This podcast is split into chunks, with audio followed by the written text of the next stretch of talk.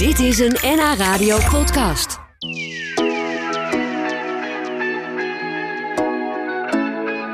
Bianca Bartels is mijn gast vandaag hier in Lunchroom. Ze groeide op in de bakkerij van haar ouders en kreeg hard werken en het beste ervan maken met de paplepel ingegoten. En ze schreef een mooi boek over haar familie. Over drie generaties bakkers in Noord-Holland. Brood op de plank, zo heet het. En ze is dus vandaag bij mij te gast. Welkom Bianca. Goedemiddag. Wat fijn dat je er bent. Ja. Eh, waar zat de bakkerij van jouw ouders? Eh, die zat in de Rijnstraat in Amsterdam. Dus eh, Amsterdam-Zuid, rivierenbuurt. En eh, mijn grootouders zijn daar in 45 al- al gekomen. En daarvoor zaten de bakkerijen in Castricum, Heilo en Purmerend. Ja, ja. Maar daar liggen de roots van, eh, van de familiebakkerij. Ja, dus echt een heel Noord-Hollandse bakkersfamilie. Ja. Eh, en die, die bakkerij in de, de Rijnstraat, eh, was dat een beetje een begrip als hij daar zo lang gezeten heeft ook? Ja, ik begrijp het nu nog wel. Er, er- er zit zo, is zo'n eh, op Facebook zo'n pagina over de rivierenbuurt. En daar had iemand iets geplaatst over het boek. En iedereen komt weer met herinneringen van... oh ja, de kadetjes van Bartels en de broodjes dit. En ik haalde s'nachts na het stappen daar mijn broodjes. Oh, wat ja, leuk. het, was echt, ja, het heeft natuurlijk een halve eeuw daar gezeten. Dus dat was echt wel een begrip, ja. Ja, ja, wanneer ging hij dicht eigenlijk? In 97, Oh ja, dus dat is- 25 jaar geleden. Ja, dat is op zich wel een tijd geleden. Maar, Ja. eh, maar ik, ik ik denk dat jij daar wel heel veel mooie jeugdherinneringen aan hebt. Zeker, ja. En hij ging trouwens niet dicht gelijk toen hij werd overgekocht. Dus hij heeft nog wat langer onder die naam eh, bestaan. Maar toen wa- was wel mijn familie daaruit. Ja. Maar ja, ik heb heel veel jeugdherinneringen Ja. inderdaad. eh, Kun je de geur nog terughalen? Ja, ja het- als je het, het ruikt, het idee van een bakkerij. Ik heb mijn boekpresentatie gedaan ook in de bakkersvakschool daar in de buurt. En, ik, en dat was in zo'n praktijklokaal waar ze echt het brood kneden en bakken. En ik kom daar binnen en ik ruik het en ik denk, ja, dit, dit is gewoon even een trip terug in, in de geschiedenis, zeg maar. Terug Ja. in, de, in de bakkerij van mijn ouders. En, en, en die geur waar je in, in grootgebracht bent. Ja, Ja. mooi hoor. En die bakkerijen zaten dus door heel Noord-Holland. Zijn er nu eigenlijk nog Bartels bakkerijen? Van misschien Eh, nee, neven de hele of... familie. Nee, nee. Nee, nee, dus dat, dat is helemaal over. Maar gelukkig is er nu jouw eh, mooie boek. Ja. Brood op de plank. Het is een familiekroniek over drie generaties eh, bakkers Bartels. Ja. En eigenlijk ook een, een heel mooi eerbetoon. Zo zo- een, een ode aan Ja. familie en het Ja, en het zijn niet alleen Bartels. Ik bedoel, ik ben een Bartels en, en, en mijn vader en eh, drie generaties daarvoor Bartels. Maar je hebt ook de familie Jonker in Heilo. Dat is daar weer een begrip. Die hebben daar heel lang een bakkerij gehad. Dat is de familie van mijn oma. En de familie De Goede, de familie van mijn moeder, dat is weer een banketbakkerstak. Ook in. Amsterdam-Oost. En dat komt al, bij elkaar 15 bakkers in mijn Ja. voorouders. Nou ja, daar, daar moet je wel wat van meekrijgen, zeg maar. Ja, wat grappig. Dus Ja. ik heb zo'n vermoeden dat van al onze luisteraars er overal mensen zijn die wel eens iets van een van die bakkerijen gegeten hebben, denk ik. Ja, dat denk ik zeker. Ik denk Kadetje zeker in Purmerend. Ja. Daar, daar is het echt, eh, als je daar de naam Bartels, daar wonen ook nog heel veel Bartelsen. Ja, Eh, daar is het eh, zeker een bekende naam nog. leuk. We gaan uitgebreid praten zo met jou, Bianca, over je boek Brood op de plank. Een Ja. familiekroniek van drie generaties warme bakkers. Bianca Bartels uit Amsterdam schreef een familiekroniek over drie generaties warme bakkers in Noord-Holland. Die bakkers waren haar vader, haar opa en haar overgrootvader. En hoewel ze het familiebedrijf dan niet heeft overgenomen, nam ze wel veel van de waarde over, waardoor haar familie zo succesvol was in het bakkersvak. Leuk dat je vandaag bij ons bent. Bianca, wat waren die waarden? Nou, buiten dat ik heel trots ben en, en die hele familie eigenlijk trots is, heeft het wel heel erg te maken met eh, perfectionisme, hard werken, altijd een stap harder werken dan eh, verlopen dan de mensen om je heen. Eh, zorgen dat je nieuwe mogelijkheden ziet. Dus eigenlijk zo'n ondernemersgeest die je meekrijgt als kind al van eh, netjes op straat alle mensen groeten, want je weet maar nooit of het klanten zijn. Oh ja. Eh, altijd vriendelijk zijn, dienstbaar zijn, eh, nieuwe dingen uitproberen. Ik las dat jouw opa met roomsoesjes langs ge- ging als er mensen in de rij stonden. Ja, ja, zaterdag was het eh, natuurlijk ontzettend druk. En dan stonden ze met zeven man binnen te werken. En dan stond hij met slagroomsoesjes op de stoep. En praatjes te maken. Een beetje zoals je op de theater de parade ziet. Dat die acteurs voor de deur iedereen naar binnen staan te praten en te entertainen. Nou, zo deed hij dat ook. Ja, mooi zeg. Ja, je- jij bent zelf schrijver geworden. Heb je nooit Ja. gedacht om het vak in te gaan? Want je bent natuurlijk echt ongeveer geboren in de bakkerij. Ja, zo ongeveer wel. Ehm, nou, ik... eh, Tuurlijk, op een gegeven moment toen, je, toen ik mijn beroep moest kiezen, toen eh, realiseerde ik me, hé, hey, er zit al bijna 100 jaar familiebakkerij. Eh, bij ons. Ehm, dat zou wel heel jammer zijn als ik dat niet zou overnemen. Of mijn broers, die, die ook niet per se uh, interesse daarin hadden. Dus toen hebben we dat wel uh, één voor één, blijkt achteraf, met mijn ouders besproken. Van ja, dat is toch wel heel zonde. En moeten wij dat anders niet overnemen? En toen waren mijn ouders heel stellig van... Nou, je mag het alleen maar overnemen als je dat met hart en ziel wil... als dat echt je passie is van binnenuit. Nou ja, dat was bij mij niet het geval. Ik ben hartstikke onhandig. Ik hou niet van vroeg opstaan. en dat is gewoon niet mijn, mijn passie. Ik vind het prachtig om naar te kijken. En ik geniet van, heel, van lekker brood om het te eten. En, en ik, ik vind het geweldig als mensen zo gepassioneerd dat kunnen maken. Maar ik ben ook best wel onhandig. En nou ja... Nee, dat was niks voor jou. Dat is duidelijk. Ding, zeg maar. Ja, ging het ze aan het hart eigenlijk... dat niemand de zaken overnam? Dat ze, want ze hebben het uiteindelijk gewoon verkocht. Ze hebben dus dat is verkocht op een gegeven moment. Ja, um, nou, natuurlijk is het enerzijds jammer, maar ik denk dat ze ook wel een beetje opgelucht waren. Omdat het, het vak is in de loop van de eeuw zo veranderd ook. En in die, die drie decennia, zeg maar, dat zij dat hebben gerund. Dat het werd steeds moeilijker om een echte warme bakkerij in de stad tussen mensen die niks willen ruiken, die niks willen horen, uh, te blijven runnen. En met, ja. met ingewikkeldere milieueisen. Ze hoorden ook van mensen om zich heen dat als hun zaak verkocht wordt, dat je dan als ouders nooit vrij bent. Want dan moet je er altijd in blijven mm -hmm. werken. Dus het was, het was helemaal goed. Ja, ja, en ze kregen natuurlijk ook concurrentie van de supermarkten op een gegeven ja. moment. Die ook ja. heel veel brood, hè, vers broodafdelingen gingen. Ja, gingen ja, nou ja, het woord inrichten. brood uh, mocht het niet helemaal hebben volgens mijn ouders. dat, uh, dat, snap ik, ja, ja, ja. Nee, zeker in het begin, uh, toen dat opkwam, dat, dat het kingcornbrood. En ja, dat was echt transportmiddel voor beleg, zeiden ze. Dat was geen brood. En uh, dat, dat had niks met het echte brood te maken. Dus zij met andere warme bakkers gingen zich echt onderscheiden als hele warme, ambachtelijke bakkers. Om echt dat verschil te maken. En ik zag op de. Je hebt in het boek ook allemaal hele leuke foto's van de familie ja. en van de zaak. En ik zag een van een advertentie: de warmste bakker. Ja, Niet ja. gewoon de warme bakker, de warmste nee, bakker. Dat was een zet van mijn moeder. Die had zoiets van: ja, je moet je onderscheiden. Mijn moeder kwam dus uit een banketbakkersgezin. Dus die wist ook wel hoe dat ging met ondernemen.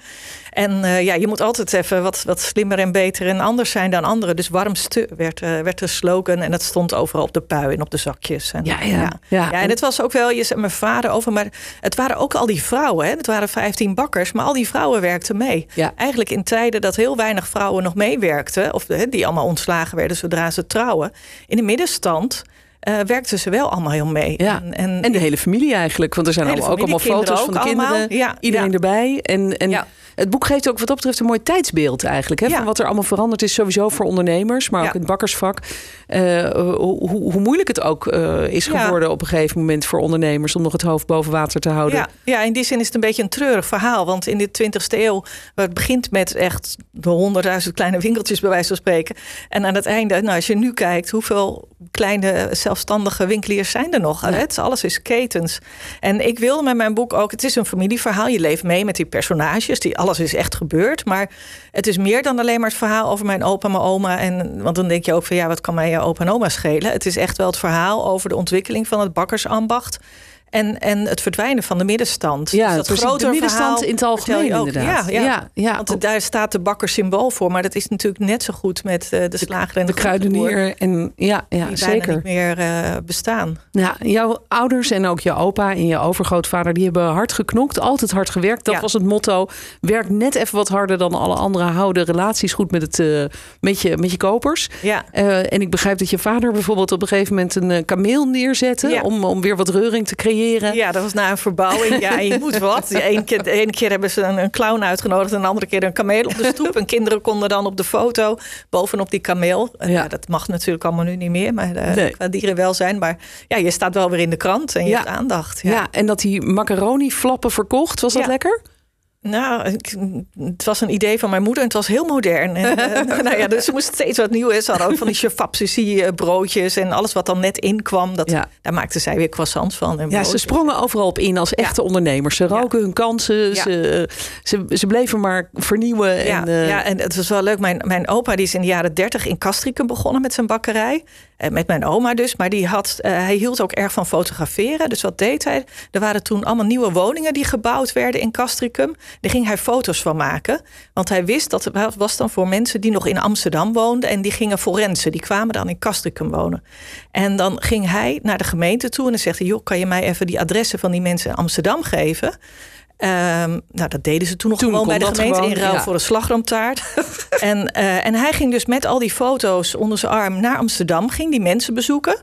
En dan zei, belde hij aan en dan zei hij: Ja, ik ben eh, Bartels, de beste bakker uit Castricum. En ehm, mag ik u deze foto's van uw huis in aanbouw overhandigen? En ik hoop op uw klandizie te mogen rekenen. Wauw. Nou ja, zo, eh, Jeetje. zo haalde hij eigenlijk op voorhand, voordat die mensen er woonden, Ja. al de klanten binnen. Want het was een enorme concurrentie. Er waren we 10, 15 bakkers in dat Castricum. Uh, Bakkum woonde niet dan net, Castricum, eh, Ja. onderdeel van Castricum. Maar die nieuwe bewoners die gingen allemaal naar Bartels. Ja, of in ieder geval een heleboel. Een heleboel, in ieder geval ja. had hij zijn PR, liep hij vooruit. Nou ja, dat was dat- zo. Als je dat meekrijgt, altijd vooruitkijken, dan, dan vormt je dat wel. Ik praat nog even verder met de Amsterdamse Bianca Bartels. Ze groeide op in een echte bakkersfamilie. Haar ouders hadden een bakkerij in Amsterdam aan de Rijnstraat. De warmste bakker. Ja, Zo ja noemden ze hem. zeker de warmste bakker. Ja. Ja. maar ook eh, opa en overgrootvader zaten in het vak. In heel Noord-Holland eigenlijk. Ja. En eh, ik denk dus dat veel luisteraars wel eens ooit een, een taartje, cakeje, broodje van, eh, van een van de bakkerijen hebben gegeten. Ja. Ehm, over die, die generaties in jouw familie die in het bakkersvak zaten, heb je het boek geschreven Brood op de plank. Ja. Een familiekroniek, maar ook een tijdsbeeld wat je schetst. En ook eigenlijk een ode aan de kleine ondernemer. Ja. Die met heel hard werken en heel veel creativiteit eigenlijk het hoofd boven water weet te houden. Ehm, en ik vroeg me af, hoe, hoe zou dat zijn als je opgroeit als klein meisje met je ouders in een bakkerij? Het is eigenlijk wel een soort droom, denk ik, van veel kinderen. Dat je dan altijd daar lekker mag proeven van, van alles. Was dat ook zo? Nou, het is niet dat ik daar nou eindeloos als kind eh, ronddwaalde. Je moest altijd uitkijken. Alles is wit van de, van de mail, zeg maar. Dus je moet nergens aankomen. Maar het, het is wel zo dat je... Het geeft een bepaalde identiteit al heel jong als kind. Want welk kind weet nou wat zijn vader en moeder doen? Iets op kantoor is dat Ja. dan meestal. Ja. En wij wisten heel duidelijk, onze ouders waren van de bakkerij. De mensen die in de buurt woonden, dus ook mijn vriendjes en vriendinnetjes, die kenden die bakkerij, die kwamen daar kopen. Dus je bent gelijk iemand. Ja, Daar de, was de dochter heel- van de bakker. De dochter van ja. de bakker. Daar was ik me niet heel bewust van toen dat dat bijzonder is. Maar achteraf denk ik, ja, het gaf me heel veel kracht en trots. eh, Al vanuit de bodem. Terwijl ik had er natuurlijk helemaal niks aan gedaan. Maar je voelt toch dat je daar ergens bij hoort. En als er broodjes over waren, dan mochten wij altijd broodjes uitdelen. Want die, ja, die, die, die kon je dan niet meer verkopen. Dus de volgende dag ging dat mee naar school. Of Dus was heel populair. Dus iedereen weet ook in mijn omgeving, ook later toen we al niet meer daar om de hoek woonden, dat ik de dochter van de bakker ben. En, en dat is wel heel leuk dat je dat meekrijgt. Je had altijd lekker, lekkere broodjes bij je en verhalen. Ja, bijzonder. Ja. Eh, We kregen een vraag van een luisteraar. Heel veel mensen vinden het natuurlijk leuk om, de, om deze verhalen te horen. Ehm, maar één luisteraar die zegt... ik kwam vroeger twee keer per jaar speciaal vanuit Horen naar Amsterdam... Ja. voor het kerstbrood en het paasbrood van Bartels. En hij vraagt zich af, is daar nou nog een recept van eigenlijk? Ja, nou, ehm, het, niet het echte recept. Maar ik heb toen ik research ging doen, ik heb allemaal oude papieren van mijn vader gekregen en dingen die ook nog van mijn opa waren. En toen vond ik een envelop. En achterop die envelop was in het handschrift van mijn opa in 1956 geschreven alle ingrediënten voor het Bartels kerstbrood. Ah, En, eh, Goed nieuws voor meneer Hartogs. Ja, precies met, met de verhoudingen. Er staat niet hoe je dat precies dan moet maken, maar er staat een foto van in het boek. Eh, met, met welke ingrediënten en, en vooral de verhoudingen. Die zijn natuurlijk eh, belangrijk. ja, daar daarin. staat of Dus, valt eh, het mee. Dichterbij kan je niet komen, maar dat is wel. ja, ik vond dat echt een cadeautje toen ik dat vond, dus al die spullen. Ja, Ik denk, oh, maar dit is gewoon door mijn opa in 1956 zo opgeschreven. Prachtig. Ook Ja. dat staat in het boek. Eh, het net boek, als heel ja. veel eh, bijzondere anekdotes, grappige verhalen, ehm, eh, leuke foto's van vroeger. ehm, eh, en een, ja, een ode ook aan je vader eigenlijk. Ja. Want die is net voordat het boek verscheen overleden. Ja. Hij heeft wel samen met jou meegewerkt aan het Ja, boek, het toch? is natuurlijk ontzettend stom dat hij er nu precies niet meer is. Want we hebben tien jaar lang samen aan dat boek gewerkt. Het is, ik, vooral de eerste jaren heb ik heel veel interviews gedaan. De afgelopen jaren heb ik het geschreven. En, en hij was mijn baken en, en mijn grootste fan. En hij had zelf heel veel eh, stamboomonderzoek gedaan ook. Dus hij wist er zelf heel veel van af. En hij vond het geweldig dat ik dat boek geschreven heb. Het was echt onze missie. Ja. En eh, nou ja, gelukkig heeft hij nog wel het, het hele manuscript gelezen voordat hij overleed. Het laatste hoofdstuk heb ik hem echt op zijn sterfbed nog voorgelezen. En dan kon hij nog knikken zo van ja, dat wel, nee, dat mag er niet in. Dat klopt wel, dat klopt niet. Uh, dus dat voelt wel heel goed. Maar het is natuurlijk heel jammer dat ik Ja. het hem niet zelf kan overhandigen. Ja, het was mooi geweest als hij hier er vandaag bij was geweest. Ja, ja, om- god, om hij, te hij vertellen. was zo trots Ja. geweest. Ja, dat was echt tuurlijk. prachtig. Maar je ja, hebt het wel zijn, eh, zijn motto meegenomen in het eh, boek, of een belangrijke levensles van hem. Zagen, zagen, niet duwen, maar zagen. ja. Dat moet je even uitleggen, denk ik. Nou ja, de brood is in onze familie soort van heilig. Hè? Dat is, daar, daar moet je met respect mee omgaan. Dat is met liefde gemaakt, met passie gemaakt, met de goede ingrediënten, tijd en aandacht aan gegeven. En dat moet je dus ook zodanig behandelen. Dus op het moment dat jij met een niet goed mes of op de verkeerde manier een plak van het brood gaat afzagen. Hè, of snijden. En je gaat duwen. Nou ja, dan vermoord je brood, zei mijn vader en altijd. Vermoord dat brood niet. Dus het was altijd, zei hij, zagen, zagen. Niet duwen, maar zagen. En dat, nou ja, vrienden, vriendinnen die bij ons wel een keer meegegeten hebben. Of die, die, die weten dat nog altijd. En ik dacht, nou ja, dat is een mooie Prachtig. eh, ode met een knipoog een beetje aan mijn vader. Heel mooi. Een prachtig boek is het geworden ook. Dankjewel Bianca dat je vandaag bij ons was. Brood op de plank, een familiekroniek van drie generaties warme bakkers. Geschreven door Bianca Bartels. Dankjewel Bianca dat je hier was. Graag mooi verhaal. Heel leuk. Dit was een NH Radio podcast. Voor meer, ga naar nhradio.nl. Radio.